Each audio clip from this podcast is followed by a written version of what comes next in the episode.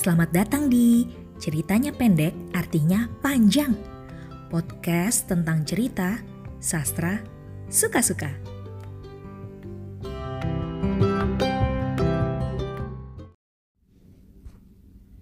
Hai, kali ini aku akan kembali membacakan cerita, cerita pendek dari Seno Gumira Aji Dharma yang berjudul Saksi Mata.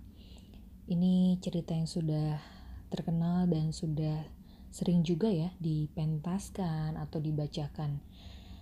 Uh, Sena Gumira Aji Dharma sendiri um, sudah lama bekerja sebagai wartawan. Awalnya dia menulis cerita pertama yang berjudul Sketsa dalam satu hari itu dimuat di Harian Berita Nasional pada tahun 1976. Nah, setahun kemudian dia mulai bekerja sebagai wartawan, berpindah-pindah dari satu media ke media lain, sambil tetap menulis cerita. Nah, yang menarik yang kaitannya dengan cerpen saksi mata ini adalah uh, pada awal 1992 ia dilepaskan dari tugasnya sebagai redaktur pelaksana uh, Jakarta-Jakarta karena pemberitaannya mengenai insiden Dili di majalah itu. Nah, peristiwa itu kemudian mendorong uh, penulisan sejumlah cerita berdasarkan cerita berdasarkan berita tersebut yang kemudian terkumpul dalam buku Saksi Mata itu diterbitkan penerbit Bentang Budaya pada tahun 1994. Buku ini mendapat penghargaan penulisan karya sastra tahun 1995 dari Pusat Pembinaan dan Pengembangan Bahasa Departemen Pendidikan dan Kebudayaan. Baik, saya akan mulai bacakan ceritanya.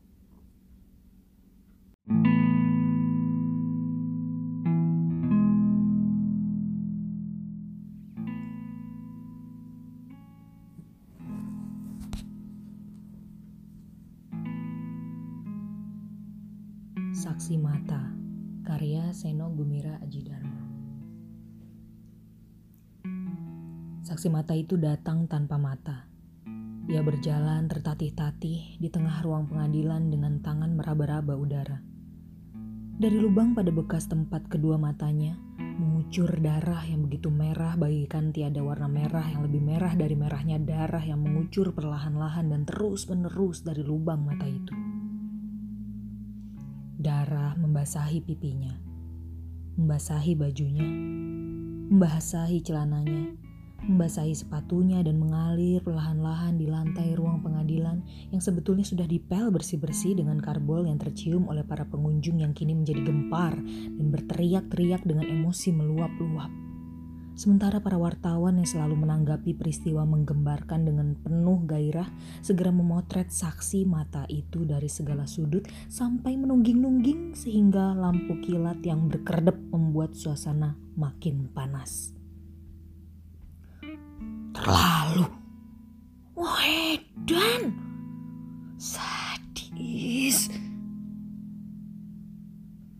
Bapak Hakim yang mulia yang segera tersadar mengetuk-ngetukkan palunya.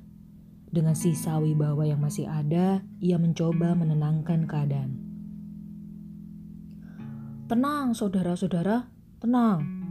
Siapa yang mengganggu jalannya pengadilan akan saya usir keluar ruangan.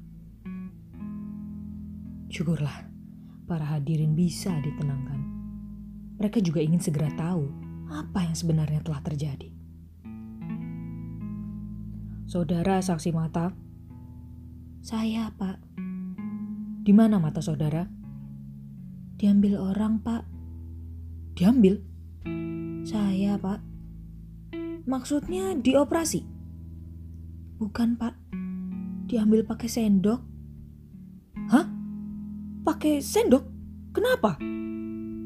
Saya tidak tahu kenapa, Pak. Tapi katanya mau dibikin tengkleng dibikin tengkleng? Terlalu. Siapa yang bilang? Yang mengambil mata saya, Pak. Tentu saja, bego. Maksud saya, siapa yang mengambil mata saudara pakai sendok? Hmm, dia tidak bilang siapa namanya, Pak. Saudara tidak tanya, bego. Tidak, Pak. Dengar baik-baik, bego. Maksud saya, seperti apa rupa orang itu? Sebelum mata saudara diambil dengan sendok yang katanya untuk dibuat tengkleng atau campuran sup kambing barangkali, mata saudara masih ada di tempatnya kan? Saya pak. Jadi saudara melihat seperti apa orangnya kan? Saya pak. Nah coba ceritakan. Apa yang dilihat mata saudara yang sekarang mungkin sudah dimakan para penggemar tengkleng itu? Saksi mata itu diam sejenak. Segenap pengunjung di ruang pengadilan menahan napas. Ada beberapa orang, Pak. Berapa? Lima, Pak. Seperti apa mereka? Saya tidak sempat meneliti, Pak. Habis mata saya keburu diambil sih. Hmm. Masih ingat pakaiannya barangkali? Yang jelas mereka berseragam, Pak. Ruang pengadilan jadi riuh kembali, seperti dengungan seribu lebah. Hakim mengetuk-ngetukkan palunya. Suara lebah menghilang. Seragam tentara maksudnya? Bukan, Pak. Polisi? Bukan juga, Pak. Ah, Hansip barangkali. Uh, itu loh, Pak, yang hitam-hitam seperti di film. Mukanya ditutupi. Iya pak, cuma kelihatan matanya saja. Ah, saya tahu. Ninja kan? Nah, iya itu pak, ninja. Mereka itulah yang mengambil mata saya pakai sendok. Lagi-lagi hadirin ribut dan saling bergunjing seperti di warung kopi. Lagi-lagi Bapak Hakim yang mulia mesti mengetuk-ngetukkan palu supaya orang banyak itu menjadi tenang. Darah masih menetes perlahan-lahan tapi terus-menerus dari lubang hitam bekas mata saksi mata yang berdiri seperti patung di ruang pengadilan. Darah mengalir di ruang pengadilan yang sudah dipel dengan karbol. Darah mengalir memenuhi ruang pengadilan sampai luber melewati pintu menuruni tangga sampai ke halaman. Tapi orang-orang tidak melihatnya. Saudara saksi mata? Saya, Pak. Ngomong-ngomong, kenapa saudara diam saja ketika mata saudara diambil pakai sendok?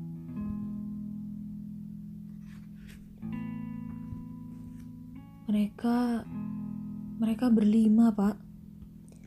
Saudara kan bisa teriak-teriak atau melempar barang apa saja di dekat saudara atau ngapain kek supaya tetangga mendengar dan menolong saudara. Rumah saudara kan di gang kumuh. Orang berbisik di sebelah rumah saja kedengeran. Tapi kenapa saudara diam saja? habis terjadinya dalam mimpi sih pak. Orang-orang tertawa. Hakim mengetuk lagi dengan marah. Coba tenang sedikit. Ini ruang pengadilan, bukan Sri Mulat. Ruang pengadilan itu terasa sumpek. Orang-orang berkeringat, tetapi mereka tak mau beranjak. Darah di halaman mengalir sampai ke tempat parkir. Hakim meneruskan pertanyaannya. Saudara saksi mata tadi mengatakan terjadi di dalam mimpi. Apakah maksud saudara kejadiannya begitu cepat seperti dalam mimpi? Bukan, Pak.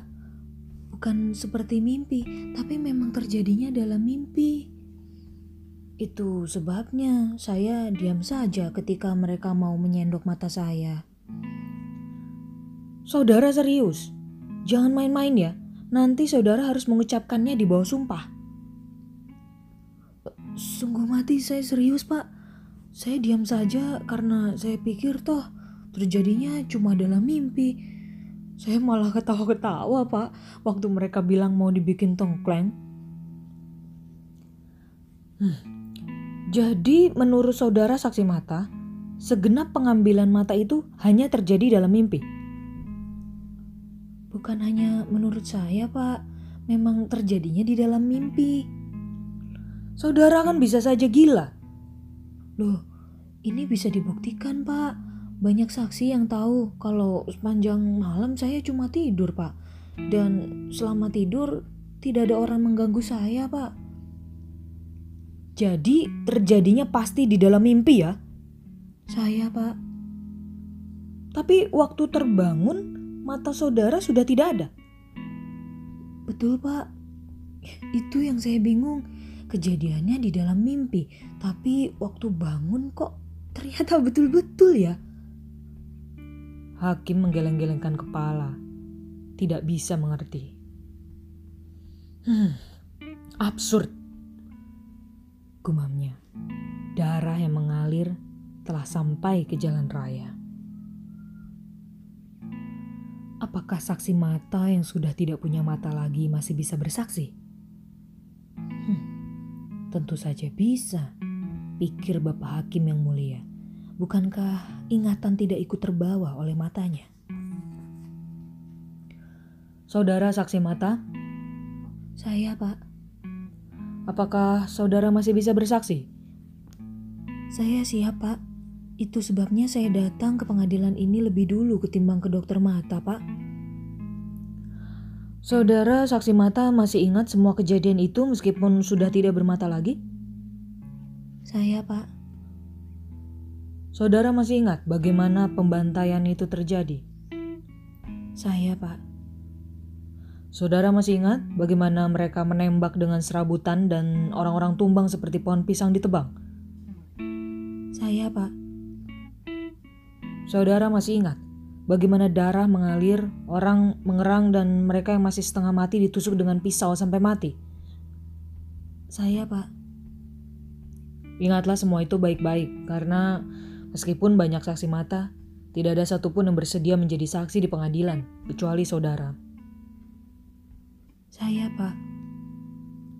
Sekali lagi, apakah saudara saksi mata masih bersedia bersaksi? Saya, Pak. Kenapa?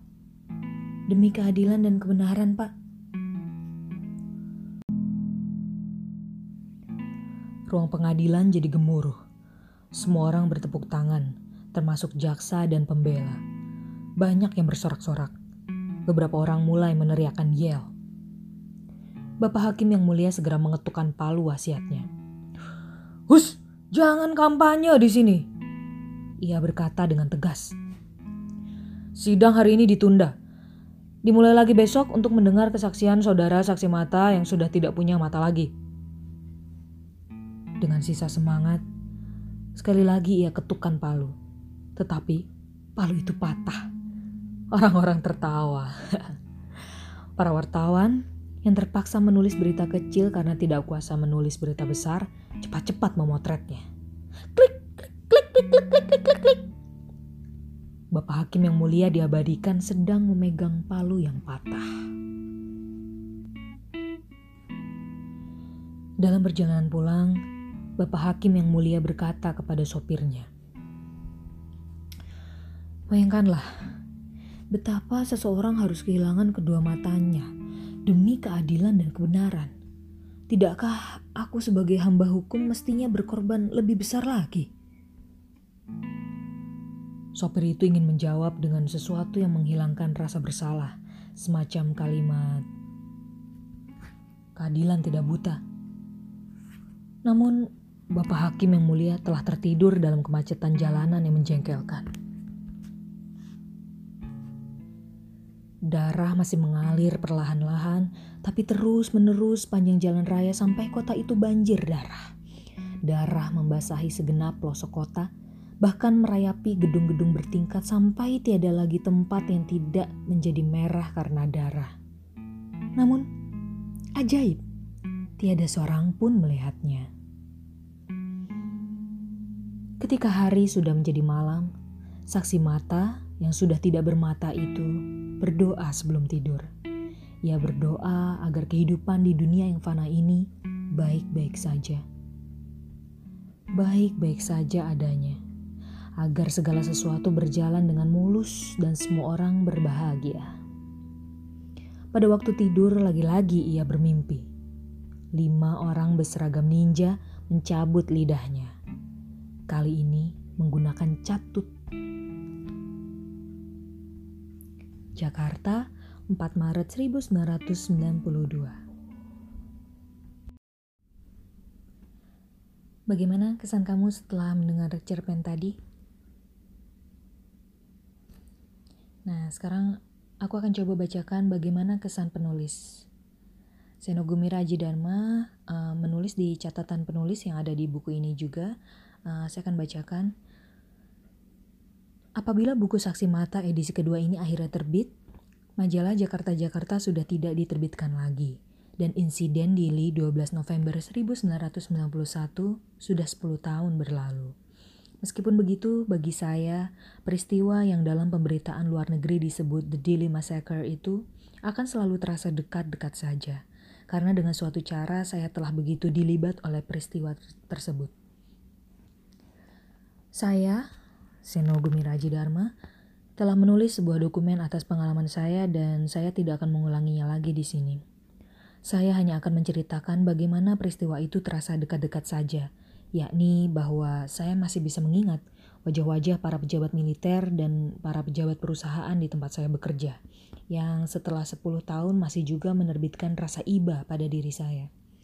Itulah wajah-wajah kekuasaan yang angkuh tapi rapuh, jemawa tapi ketakutan, marah tapi tak berdaya, dan untuk kebakaran jenggot semacam itu, kebersalahannya harus ditimpakan kepada saya. Wajah pejabat militer yang membentak-bentak saya sebetulnya kasihan sekali, karena tampak betul ketakutannya kepada ia punya atasan yang kemungkinan besar juga takut kepada atasannya lagi atas bocornya berita pembantaian di Jakarta-Jakarta. Seluruh usahanya untuk menimbulkan ketakutan pada diri saya kurang berhasil, karena kemarahannya ternyata tidak sepenuh hati. Tetapi ia wajib memberikan kesan kepada saya betapa pemuatan berita itu adalah kesalahan besar – Mengingatnya lagi sekarang, saya tidak bisa mengurangi rasa geli karena pejabat militer itu berkali-kali menyesalkan saya yang telah membuatnya pulang terlambat ke rumah petang itu. Seharusnya saya sudah pulang bertemu anak istri, katanya sambil melihat Arloji. Wajah para pejabat perusahaan memberi kesan yang berbeda. Jika wajah pejabat militer tadi menggelikan, wajah para pejabat perusahaan ini sampai sekarang sulit saya rumuskan. Saya kira untuk sebuah catatan yang dibaca oleh banyak orang, lebih baik saya menahan diri.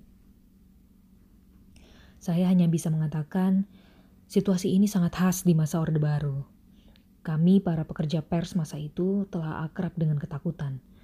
Sebagian bisa main-main dengan ketakutan, sebagian lagi memelihara ketakutan itu, juga setelah Orde Baru tumbang.